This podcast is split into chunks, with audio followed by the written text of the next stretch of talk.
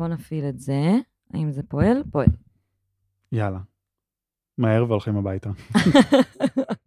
disclaimer, זה לא ייעוץ ואל תתבעו אותנו, תודה.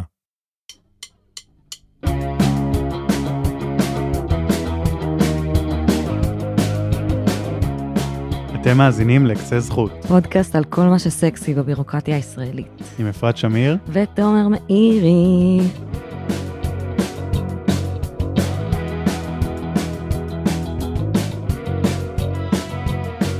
אפרת, איזה חם בחוץ. חם פיגוזים, חם בקטע שאני ממש, אה, זה משפיע לי על המצב רוח. את uh, מקשרת את זה לגלובל וורמינג או לא? את החום? כן, לא יודעת. ברור שכן. רגע, איך, איך זה קרה שאנחנו לא התחלנו את השיחה מזה שאי אפשר לדבר על שום דבר חוץ מהמהפכה המשפטית? איך זה לא היה הנושא הראשון? נכון, כי רציתי קצת שלא נהיה בדיכאון, אבל בואי, דכאי אותנו, אפרת. אני, אני הבן אדם האחרון שאדכא ושאדבר במקום אה, מושכל על המחאה.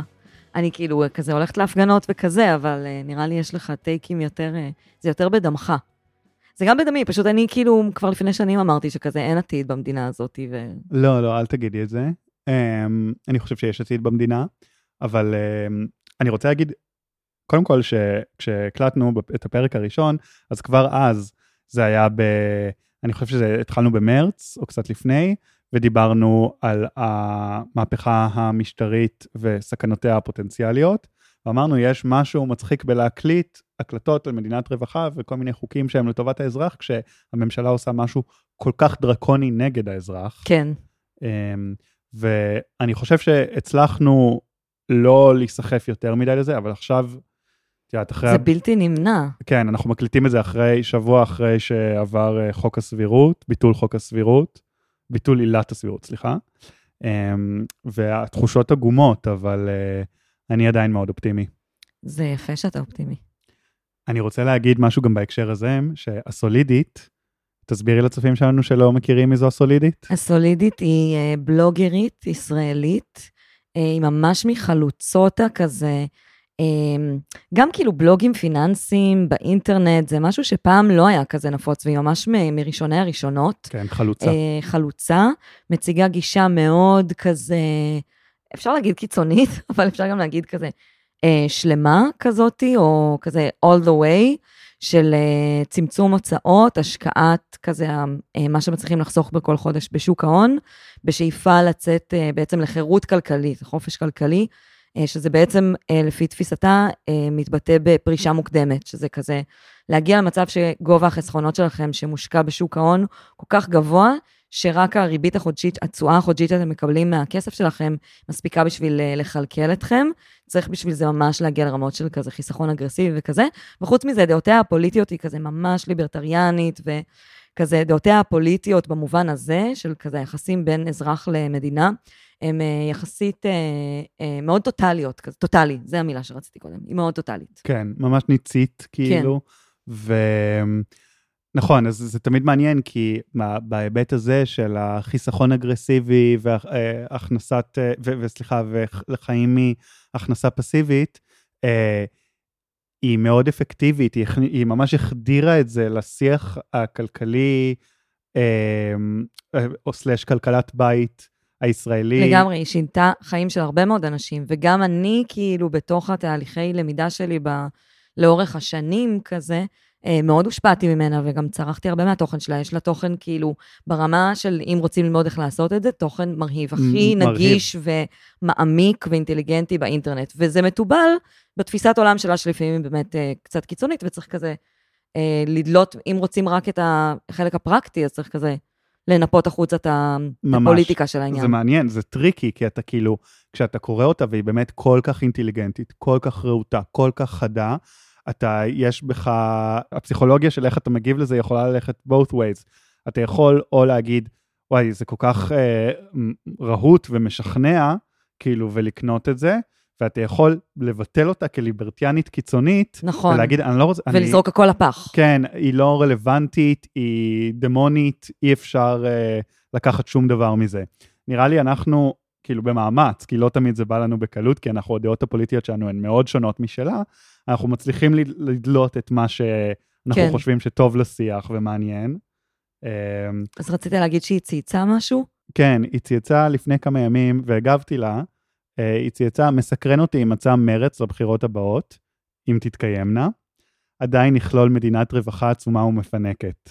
נראה לי שהייתה התפכחות אדירה בשמאל בחודשים האחרונים. מעניין. מעניין. מה ענית?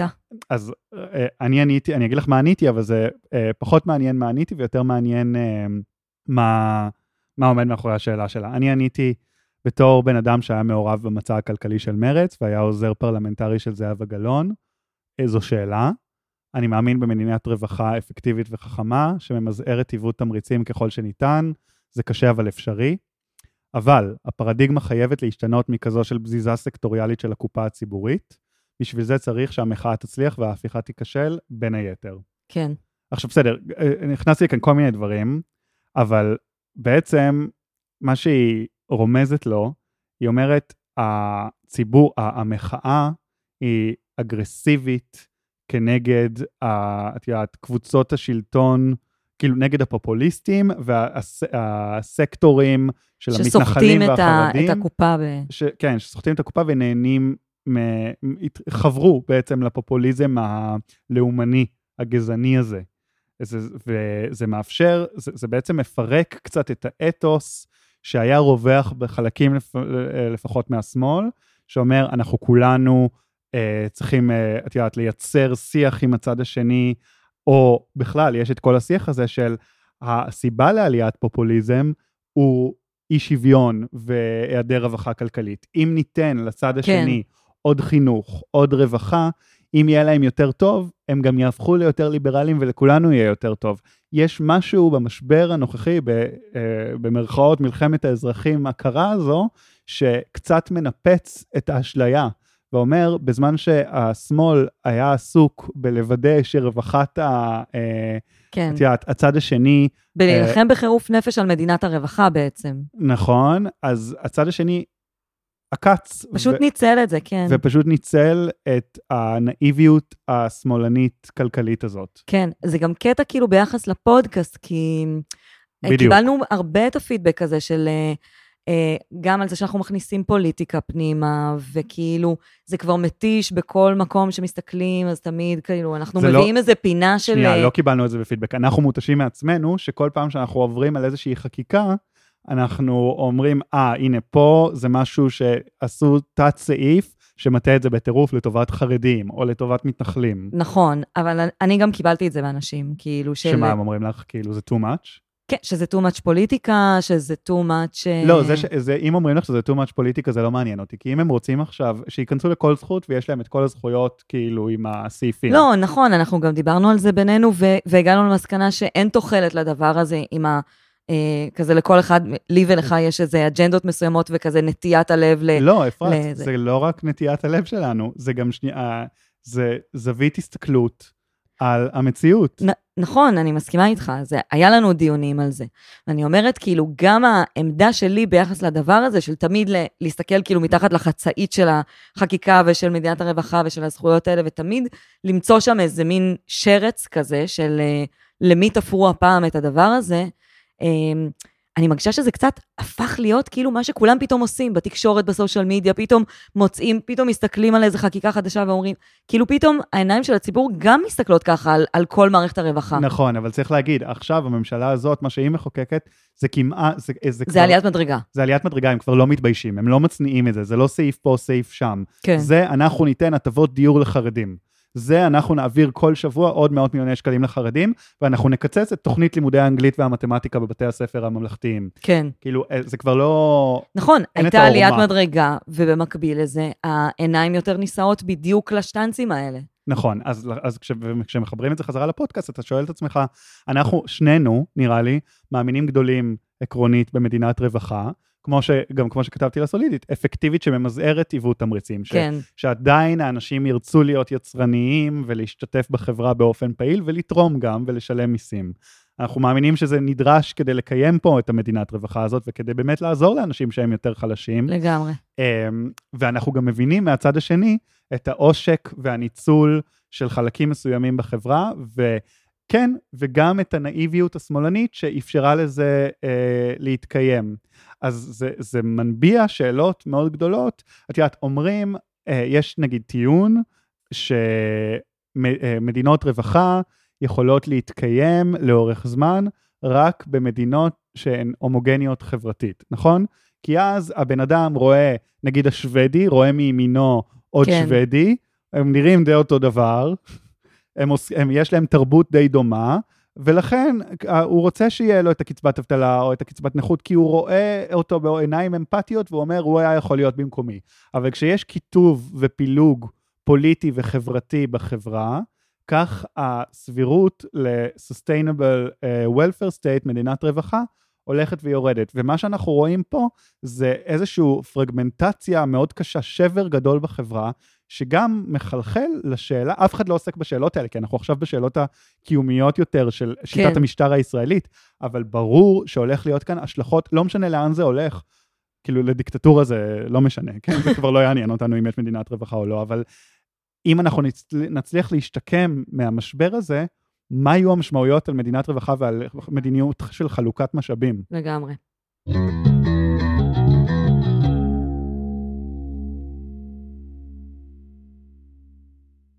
תומר, אתה יודע מה התשובה הכי נפוצה שאני מקבלת כשאני נתקלת אה, באנשים, מספרת להם שאני כזה מעבירה סדנאות על פנסיה, מיסים וזה וזה, בעיקר על פנסיה? התגובה הכי נפוצה היא, מי יחיה עד הפנסיה? מין כזה, מי יחיה עד אז? אה, עכשיו, סביר שכזה ממש אה, רוב רובם המוחלט של האנשים שבסביבתנו. סטטיסטית. כן. סטטיסטית, אתה. כן, כן. ואת.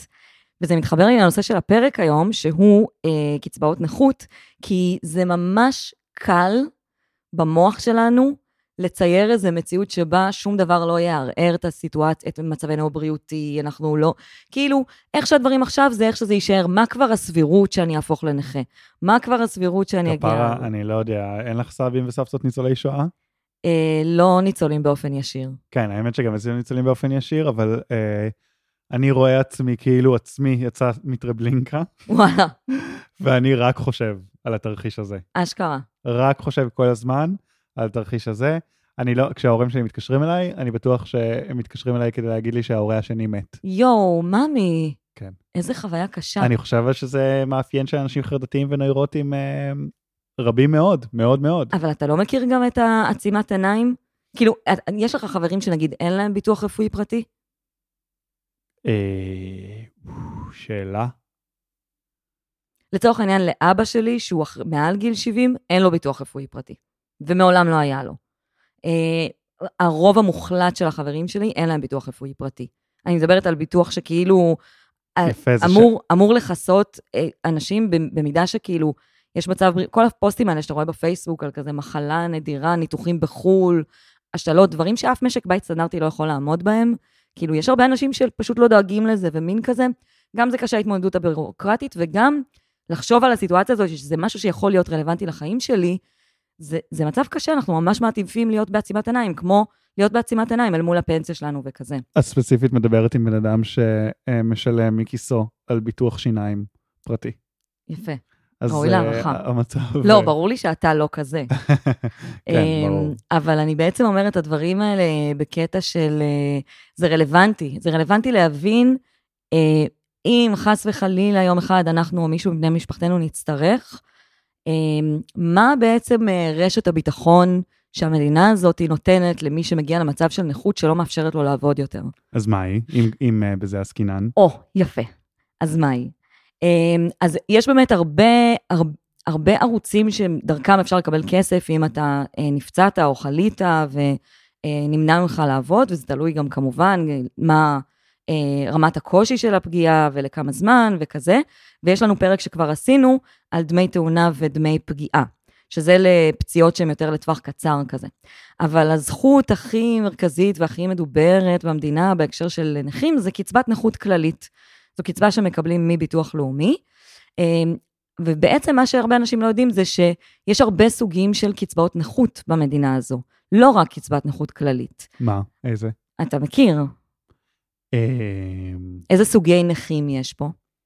אה, נכי פעולות איבה. נכון, נ- אה, שואה, ניצולי שואה. נכון, נכות? נכי המלחמה בנאצים, ומה עוד יש? נכי צה"ל, אה, נכי צה"ל זה לא ביחד עם פעולות איבה? זה מוגדר בתוך אותו חוק, אבל זה שתי קטגוריות שונות, וגם ההליך שצריך לעבור הוא מול גופים שונים. הבנתי, ומה האחרון מעניין? נפגעי עבודה. נכי עבודה. נכי עבודה. כן, אוקיי. יש כאילו גמלת, כמו שיש קצבת נכות כללית, יש גם גמלת נכות מעבודה. אה, ויש אה, מדרג, אני לא זוכרת אם דיברנו על זה בפרק על הדמי תאונה לא ודמי לי. פגיעה, אבל יש סוג של מדרג אפשר לנחש? בין, המ- בין הנכים האלה. מי לדעתך מקבל הכי הרבה כסף? יפה. אני חושב ש... אני מוציאה רגע מהתמונה את נכי המלחמה בנאצים. אה, תתייחס רק אוקיי. לגילאי העבודה. סבבה. אז כמובן פעולות איבה. זה- אני הייתי אומרת כמובן נכי צה"ל, אני מרגישה שנכי צה"ל, הם, קודם כל זה אותו חוק, הם מקבלים אותו גובה תגמולים, Mm. בגדול. אה, אבל אני הייתי אומרת שזה בגלל נכי צה"ל שנפגעי פעולות איבה כן, כל מקבלים הרבה... האתוס הלאומי כאילו נכנס לתוך הדבר הזה. לגמרי, אז אתה צודק, הם, הם בראש המדרג. ובפעולות איבה אתה כאילו, את אומרת, אתה כאילו קצת יותר פסיבי, כי נפגעת, זה לא שלחמת זה- בהכרח. נכון, זה גם חלק מהאתוס של המדינה הזאת, אבל uh, בעיניי, אני לא יודעת באמת מה, איזה אחר- מניע פטריוטי. אה. לא, סתם, ברור. אנחנו עושים אה, כן. תיאורטיזציה. בכל מקרה, הם מקבלים הכי הרבה כנכים. אה, וכמובן שנאמבר 2 יהיה האדם העובד. נכון, האדם העובד, אה, שזה גם קשור כזה לאתוס. אה, לגמרי. זה. מעניין איך זה במדינות אחרות, האמת. אבל כל הדברים האלה ממש נקראים קצבאות נכות. כאילו. אז כשאנחנו מדברים על מה גובה קצבאות הנכות במדינת ישראל, מאוד קשה להבין על מה בעצם אנחנו מדברים פה, כי יש מלא סוגים של נכים, וכל נכה מקבל סוג אחר של תגמול. לפעמים זה גם קשור לגובה ההכנסות שהיו לך לפני זה, ולפעמים לא. בכל אופן, מה שבטוח, זה שבתחתית המדרג נמצאים אלה שמקבלים קצבת נכות כללית. מהמם. ובעצם מה שמפריד בין סוגי הנכים האלה, זה מה הנסיבות שבהם הם נפצעו או נפגעו. סליחה, אפרת, על החפלפיות של אה, עבודת התחקיר לפודקאסט, אבל הייתי גם אה, יוצא מנקודת הנחה שאלה גם מספרית הכי הרבה אנשים. אה, אני מנחשת שכן, אם כי אין לנו את הנתונים כן, המדויקים בשלב חפלפ זה. פה. חברים, אין. תקציב, תביאו לנו תחקירנים היינו עסוקים בסטודיו. בללכת להפגנות פשוט. נכון. אז זה באמת אה, הקצבה הכי, אה, הכי נפוצה, הכי מוכרת, אבל היא ממש לא כל הנכים. קשה מאוד להגיד כמה נכה מקבל במדינת ישראל, זה תלוי בהרבה מאוד דברים. ברור. יפה, אז יש לנו איזה מדרג, וזה בטוח כן אמרתי בפרק ההוא, ואני אגיד שוב, שאם חס וחלילה יום אחד יוצא לכם להיפצע, ויש איזה סיפור הגיוני שאתם יכולים לספר על למה זו הייתה פציעה במסגרת העבודה או בדרך לעבודה, זה ברוב המקרים ייטיב איתכם. כנ"ל לגבי, נגיד, אירוע איבה. אני אה, מכיר אה, גברת כלשהי, שמכיר אותה היטב, שקיבלה, אה, נפצעה, ב, ב, לדעתי, ברגל או באופניים לעבודה, עבודה מכניסה בהייטק, אה, וקיבלה, גם אחר כך ערערה וקיבלה אחוזי נכות גבוהים יותר, ובגלל שזה היה לעבודה, מקבלת באמת סכומי כסף מאוד גדולים. כן, מדי חודש ש- מהמדינה. שתלויים ב- במשכורת שהייתה לה לפני כן. ושהיא הייתה גבוהה. כי את יודעת, בחורה בת 30 וקצת, אה, עובדת בהייטק, כאילו בביג טק, כן, ואת יודעת, for life עכשיו היא לגמרי. מקבלת קצבה ממש גבוהה. את היית נגיד פורשת לפנסיה וחיה מהקצבה הזאת, בואי נגיד. אז uh, אני מקווה שלא יזדמן לכם, אבל, אבל אם יזדמן, אז uh, uh, זה באמת uh, כן, אני, סכום הרבה יותר גבוה של תגמולים. אני כאן לתת את הטייקים הפריבילגיים על הזכויות.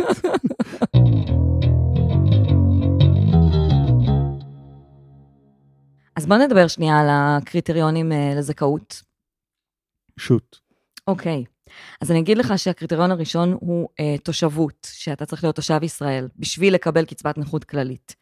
Um, עובד זר, מקבל קצבת נכות? או, יפה. אז אם הוא במעמד של תושב, לפי ההגדרה של ביטוח לאומי, אה, הוא יקבל.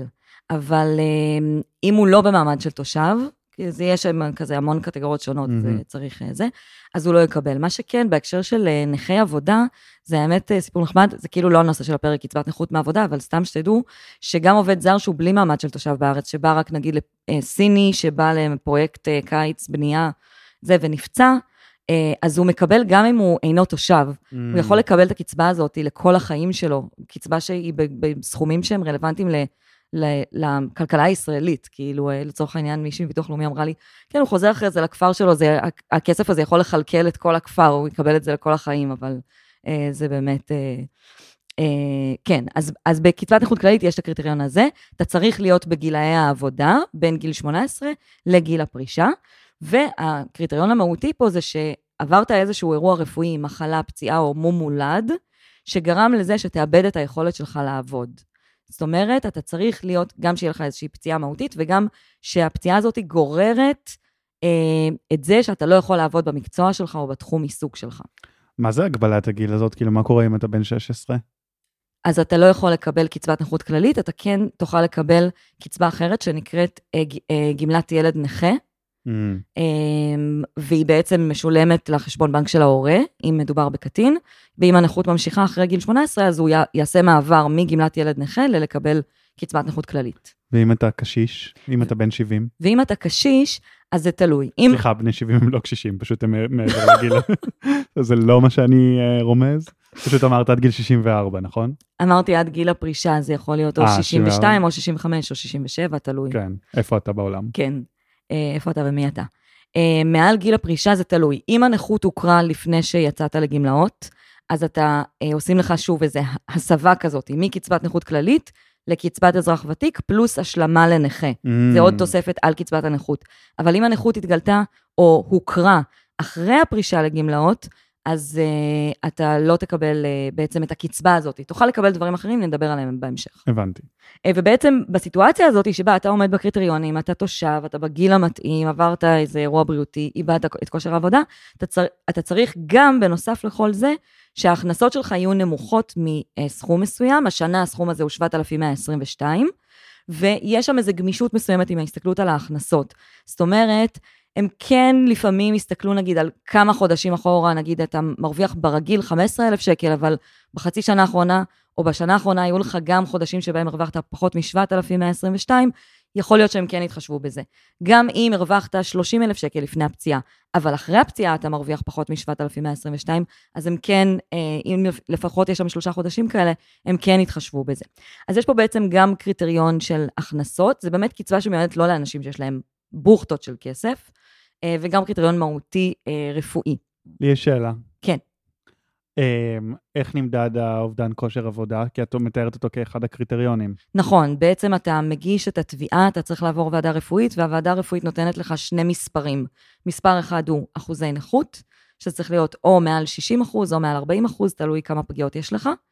והמספר השני הוא אה, רמת אובדן כושר העבודה שלך, שיש שם ארבע קטגוריות. זה כל- היא כללית או שהיא למול אה, משלח יד מסוים? היא אל מול המקצוע שלך והיכולת שלך לעבוד במקצוע שלך. כלומר, זה יהיה שונה לרואה חשבון שעובד מול מחשב ולעובד בניין. כן. אבל אה, רגע, בעצם הם גם בודקים את היכולת שלך אה, לעבוד גם במקצוע אחר, או ללמוד מקצוע אחר, אה, בהתאם כזה לכישורים שלך. וגם, אני כן אסייג את זה ואגיד שזה תלוי מה היה מעמדך בביטוח לאומי ביום הפגיעה. אם היית עובד, אז אפשר לשפוט את זה לפי העבודה שלך, או אם היית בעבר עובד, אז אפשר לפי העבודה שהייתה לך לפני כן. לעומת זאת, אם אתה בקטגוריה שנקראת עקרת בית, יש קטגוריה כזו בביטוח לאומי, אז, אה, והיא מאוד מאוד מיושנת, זה נשים שהן אה, נשואות, ובן או בת הזוג שלהם אה, משלמים בעצם דמי ביטוח לאומי כרגיל, כמו כל אזרח במדינה, הן יכולות להירשם כעקרות בית, זה נותן להם פטור מדמי ביטוח לאומי, זה אחלה פטור, זה נחמד, אבל אז הן לא נחשבות כעובדות. רגע, אז אני רוצה לחדד. עקרת בית, לפי חוק הביטוח הלאומי, מוגדרת כאישה נשואה, כמו שאמרת, שלא עובדת תקופה ארוכה, 12 חודשים רצופים או 24 חודשים לא רצופים מתוך בלה בלה בלה. והזכאות של עקרת בית לקצבת נכות כללית היא מעט שונה משל אה, General Population, Working Population, נכון. אה, בכמה דברים. דבר ראשון, אה, אם את תיארת אה, ז- אה, סף נכות רפואית של נגיד 40 אחוז או 60 אחוז, 40 אחוז הפציעה בודדת, 60 אחוז אם זה מצטבר, הפוך. אה, הפוך, נכון? אז אין את החלוקה הזאת אצל אה, עקרת בית, והיא אה, נדרשת ל-50 אחוז נכות. כן, למרות שזה פחות מעניין בעיניי. כאילו, כל מי לא. שרוצה לראות את האחוזים יכול להיכנס ולראות ב- באינטרנט. ההבדל המהותי בעיניי הוא לא באחוזי נכות. צודקת, זה באמת פחות מעניין, והיא צריכה לאבד אה, במדרג דומה אה, אה, מהכושר שלה לתפקד במשק הבית, אז זה לא אובדן כושר עבודה, זה אובדן היכולת לבצע. את עבודות משק, ביתיות. ממש, לבצע את עבודות משק הבית. כמה מיושן שזה נשמע, ככה זה. נכון. ככה זה ממש. עכשיו, בתכלס, כשאתה מסתכל על זה בצורה מהותית, אני הייתי מתאר לעצמי שרוב המשלחי יד הם כנראה אה, יותר אה, מאתגרים נכון. מאשר עבודת עקרת הבית. של... שהיא יכולה להסתכם בלקלף מלפפונים ולקפל כביסה. בדיוק, ואם היא מסוגלת לבצע את הדברים האלה, גם יש לה פגיעה מוחית, אז זה כאילו... בדיוק. לכן, דה פקטו, אתה ממש מעלה את הרף לזכאות לקצבת נכות עבור הנשים האלו, מתוקף זה שהרף שלהן לחוסר תפקוד צריך להיות הרבה יותר גבוה. הן צריכות להיות כל כך לא תפקודיות שהן לא עומדות במטלות הבית הבסיסיות. לחלוטין. הקטגוריה הזאת של עקרת בית היא קטגוריה שבעיניי, בסופו של דבר, בעיקר פוגעת בנשים. אה, בנשים שבוחרות ללכת עליה מתוך חוסר הבנה. נכון, וגם צריך להגיד, זה, זו הגדרה שהיא רק לנשים. נכון? היה לאחרונה. תביעה על זה של זוג גייז, שהם, אה, אחד מהם רצה גם לקבל הכרה כעקר בית. וואלה. אני לא זוכרת מה יצא עם זה בסוף, אבל uh, זה עכשיו פעם ראשונה שזה קרה.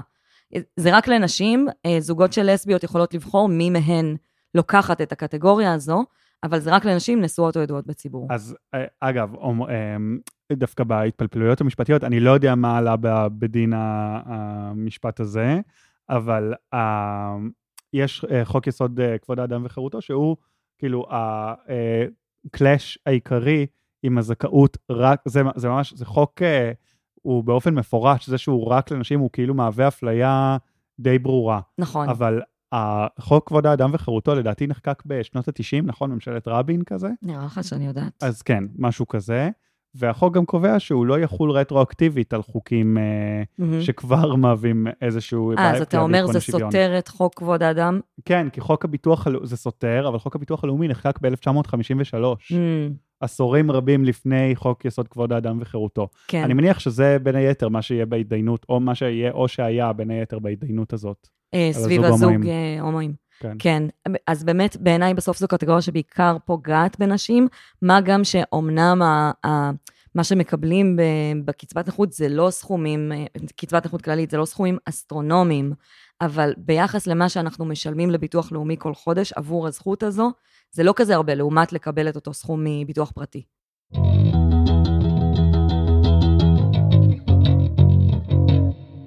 מה הסכומים? מה הסכומים של הקצבה? קצבת נכות כללית. כן. אז קצבה מלאה, זה תלוי ברמת אובדן כושר העבודה שלך, ואם יש לך הכנסות, אז לפעמים זה מקזז, תלוי גם אם אתה עובד, התחלת לעבוד אחרי שקיבלת את הקצבה או אחרי, אבל בכללי, כש, גוב... כשהמדרגות הן בין שיעורים משתנים בין 60% ל-100% אובדן כושר עבודה. נכון. אז זה בעצם מה שקובע את גובה הקצבה שתקבל. קצבה מלאה בשנת 2023 היא 4,063 שקלים בחודש. כן. סכום פעוט. נכון, זה אבל אפילו עדיין, פחות משכר המינימום. הוא צריך להגיד, הוא עלה, אה, היה איזה עניין גם בקורונה עם ההצמדה למדד, שהיה הפסקה בהצמדה למדד, למ- אה, לשכר הממוצע במשק. לשכר הממוצע במשק. נכון, כן. דיברנו על זה גם נראה לי באיזה פרק. נכון, ועכשיו אה, הם העלו כאילו בהתאם לעליית השכר הממוצע במשק, אה, כאילו רטרואקטיבית אה, שנתיים, אז בעצם היה עכשיו ב-2023 קפיצה משמעותית ב- בגובה הקצבה. בגובה הקצבה. כן, אני כן אגיד שמצטרפת לקצבה הזאת לפעמים עוד איזו תוספת, אם יש בני משפחה שתלויים בך. אם יש בן זוג עם הכנסה לא כזאת גבוהה, או אם יש ילדים, אז זה מצ- מצטרף לזה. זה יכול להגיד להגיע לסכום של 6,000 בחודש, משהו כזה, אבל זה באמת סכומים נמוכים, כאילו, הם לא, הם לא מספיקים בשביל אה, באמת לכלכל אה, את הבן אדם בסיטואציה הזאת. מצד שני, הם משמעותיים. לא זאת אף זאת, בגלל שמערכת הרווחה שלנו כל כך סבוכה ומורכבת מכל כך הרבה זכויות ותת זכויות וזכויות נלוות, מאוד קשה להגיד מה באמת שווי כל ההטבות שיקבל אדם עם נכות. מהמם. אני זוכרת בשנת 2017 לדעתי, כשעבדתי במועצה הלאומית לכלכלה, היה אז כזה את מחאת הנכים, וכזה נכה הוא לא חצי בן אדם, אני חושבת ש... בראשות אה, אילן גילאון ממרץ. נכון. אה, זיכרונו הוא- לברכה, נפטר לאחרונה. זכרו לברכה. אה, אומרים זכרו ולא זיכרונו. זה ריקי, המורה שלי בתיכון, אמרה לי. כל כך הרבה לקחת מחדרה. לא, גדלתי בגדרה. אה, לספר. תל אביבי מתנשא, וגם לא למדתי שם, זה היה תראו, בקיבוץ תראו פורום מה. יוצא מגדרה, חברים. צאו לגדרה, הפריחו את השממה והביאו ילדים כמו אפרת שמיר. ודעו, דעו לכם איך אומרים זכרו או זיכרונו. זכרו, בדיוק. אמ, איפה הייתי? אה, במחאת הנכים ב-2017. אה, אז אני עבדתי אז במועצה הלאומית לכלכלה, שבראשותו של פרופסור אבי שמחון. נכון, והיה לו מתווה, אני זוכר. כן, והיה מלא דיונים על זה, וזה היה בתקשורת, והיה מחאה מטורפת, וזה וזה וזה, ואני זוכרת אותו מתהלך במסדרונות המועצה, וצועק על אנשים וגם על אובייקטים רנדומליים במסדרון, שמישהו פה יגיד לי כמה מקבל נכה במדינת ישראל. זה ממש קשה להבין את זה. כן. גם כי יש הרבה סוגים של נכים, וגם כי הקצבה הזאתי היא רק שער כניסה לתוך עולם שלם ועצום של זכויות נלוות, שהן נובעות ממה גובה אחוזי הנכות ורמת אובדן כושר העבודה שנקבעו לך. Mm, ובין הזכויות, אני בטח לא אגיד את כולן, אבל בין הזכויות הנלוות האלה יש סיוע חודשי בשכר דירה, למשל, שיכול להסתכם גם בכמה מאות או אלפי שקלים בחודש. יש לפעמים פטור ממס הכנסה, שזה מטורף, זו הטבה מטורפת. יש כמובן תג נכה, שזה נותן לך כל מיני הטבות בכניסות למקומות, אבל גם אה, חנייה ודברים כאלה. אה, יש אה, דיור ציבורי לנכים, יש הטבות בחשבון ה- אה, החשמל והמים, הטבלו- הטבות בעמלות הבנקים, ועוד ועוד ועוד מטורף, לא ועוד. ידעתי שכל זה נובע, בעצם תלוי בקביעת אה, אחוזי אובדן כושר עבודה, שהם אלה, ואחוזי נכות, ואחוזי נכות, שכאילו זה הבסיס של כל אלה. לחלוטין. לא אז, הכרתי. אז בעצם כשעקרת בית מוותרת על, או, או לא מקבלת קצבת נכות כללית בגלל אה, שהיא לא עומדת בקריטריון של האובדן אה, יכולת אה, לבצע את עבודות משק הבית, זה לא רק הקצבה עצמה של 4,000 שקל בחודש או 6,000 שקל בחודש. זה כל העולם השלם. זה כל העולם ה- הזה שמאוד קשה לכמת אותו, אבל הוא שווה הרבה כסף, ו- וגם הוא מאוד מורכב למימוש, יש לציין, עבור הנכים. כן. Um, אני אוסיף על זה עוד משהו, שיש קריטריונים בתוך הקריטריונים של הזכאות לזכות, נגיד, לדוגמה, הקריטריון של ההכנסות, שלפעמים אתה לא עומד בו ולכן אתה לא זכאי לזכות, אבל אתה עדיין יכול לעבור את הוועדה ולקבל את כל הזכויות הנלוות, שהן לא תלויות הרבה פעמים ב- ברמת ההכנסות שלך, הן תלויות רק ברמת ה... אה, אחוזי נכות ואובדן כושר העבודה שנקבע לך בוועדה.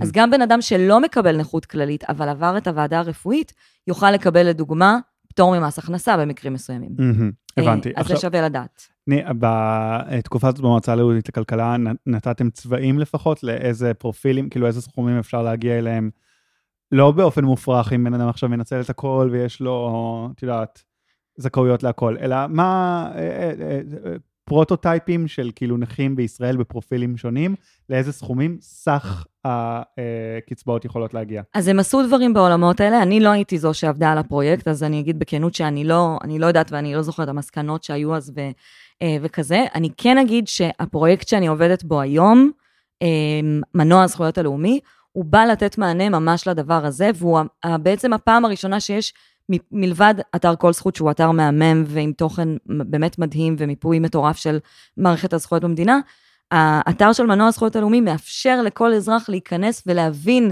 מה זכות השער, וזכות השער במרכאות, הזכות הראשונה שאתה מהמם. צריך להגיש אליה, וגם מיפוי מלא של כל ההטבות הנלוות שאתה יכול לקבל בנוסף לזכות הזאת, על בסיס זה שכבר הכירו בך לצורך אה, קצבת נכות.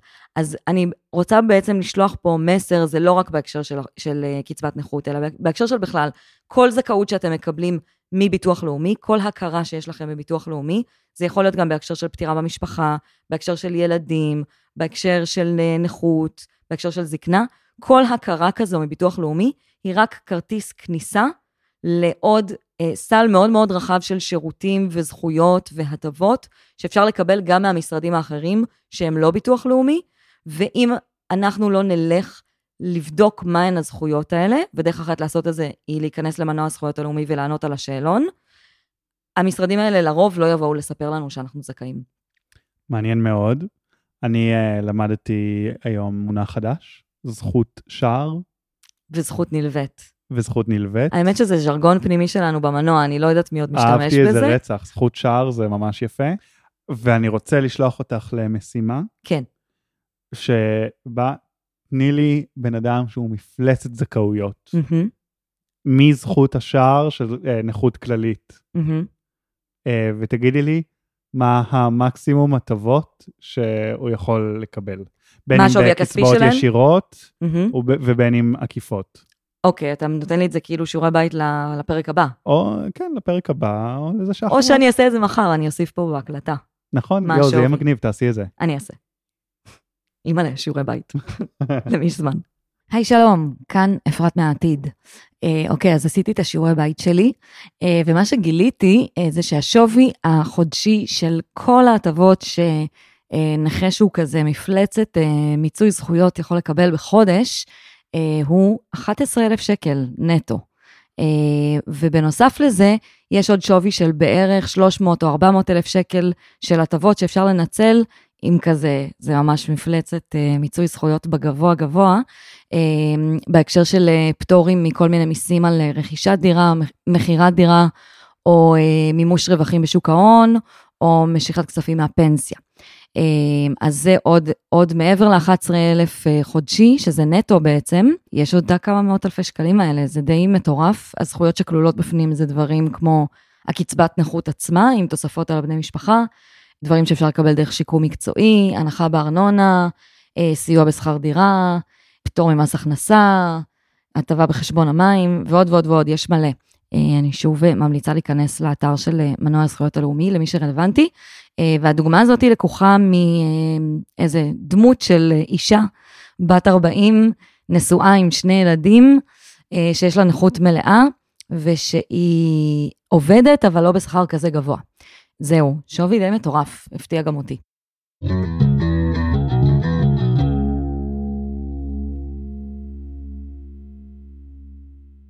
אפרת, את ב team אה, ברבי או ב team אופנהיימר? neither. אה, ולא תלכי לאף אחד מהם? נראה לי שלא. אני קצת באיזה חוויה של סרטים זה בזבוז זמן. אמ, את יודעת שהתקציב ההפקה של ברבי. היה כ-140 מיליון דולר, וואי, וואי, וואי. ותקציב ה marketing 150. רגע, עוד פעם? כן, תקציב המרקטינג היה גבוה מה... מהתקציב הפקה, כולל שכר של אשכרה, אה, שחקנים, ויש שם אה, את מרגו שחקנים. רובי וריין גוסלינג, אשכרה. כן, בס... זה כמו הסדנאות שלי, שכאילו יותר מאמץ מלעשות את הסדנה עצמה, זה לשווק זה אותה. לשווק אותה. חד נכון. משמעית. עכשיו, השיווק של ברבי היה ממש ממש מגניב, מהמם. הם עשו דברים, כאילו הם גם עשו נגיד שת"פ עם גוגל, כשהיית נכנסת כן. לגוגל, ראית הכל branded כברבי, הם כן, עשו ומלא merch כזה, מלא ממותג. merch, מלא טיק כן. טוק. אני, כשאני הלכתי לסרט, כל הכאילו טינג'רים, זה חמוד בטירוף, היה כזה קהל מלא מלא מלא בלהט"בים, כאילו צעירים, teenagers, לבושים בוורוד וכזה מאופרים כמו ברבי. אשכרה. אמ, אז זהו, זה ממש ממש אה, הצליח. קצת עצוב על אה, The World We Live In, אבל גם קצת... אה, מה, הם ממש הלכו לקולנוע מחופשים לברבי? לא מחופשים לברבי, אבל כזה בבגדים ורודים ובכזה איפור ורוד. יואו, איזה קטע. כן. ממש קטע. אמ, אז אני ראיתי גם את ברבי וגם את אופנהיימר, בהפרש של אה, יומיים. אוקיי, תן לנו את זה. אמ, ואין לי מה להגיד. כאילו, אופנהיימר, הגזר דין שלי, סרט uh, טוב ומעניין, וגם לא הכרתי את הסיפור עד הסוף. Uh, מאוד ארוך, הוליוודי, שלוש שעות, מהמם. uh, קיליאן מרפי מדהים. וברבי, uh, קצת גימיקי. טוב, אה, כן, לא, אבל הוא כן כאילו woke ופמיניסטי, וכאילו קצת bold. אבל קפיטליסטי ברמות, כאילו זה... קפיטליסטי ברמות וגם טיפה flat. אמ, אבל כיפי, fun, לכו לראות. לכו לראות את שניהם. יאללה, לכו על זה. אה, אנחנו נגיד שהפרק הבא הוא יהיה בנושא חם בימינו. מה אה, הוא? סתם, אני אעשה לכם אה, טיזר. אנחנו מה, נ- אני לא נתחיל, עודכנתי, אז כאילו יפה שהיא לא מתייעצת איתי. התייעצנו על זה, התייעצנו. אה, כן? אמרנו שנתחיל אה, סדרת פנסיה. לא ברצף, אבל ש... אה, מתחילים את סדרת- כן. סדרת הפנסיה כן, שלנו? וגם עכשיו כולם מדברים על מה יהיה עם הפנסיות ולעבור לחו"ל וכזה. OMG. כן, אז הפרק הבא יהיה שלב א' של, אה, אה, פנסיה. מה ברבי הייתה אה, אומרת על- אנחנו, אבל הפרספקטיבה היא הטבות, אבל נדבר גם על עוד דברים בתוך, ה, בתוך העניין. את חושבת שלברבי יש פנסיה? אה, בא לי להגיד שכן.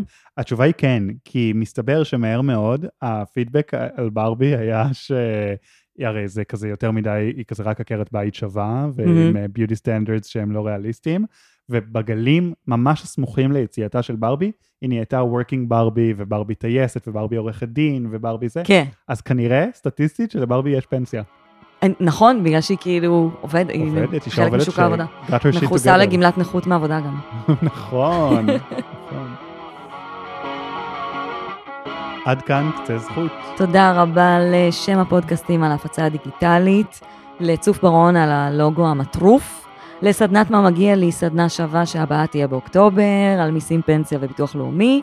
אה, לתומר מאירי, ולאפרת שמיר, ולך אני רוצה להקדיש את השיר, לא הבנתי דבר,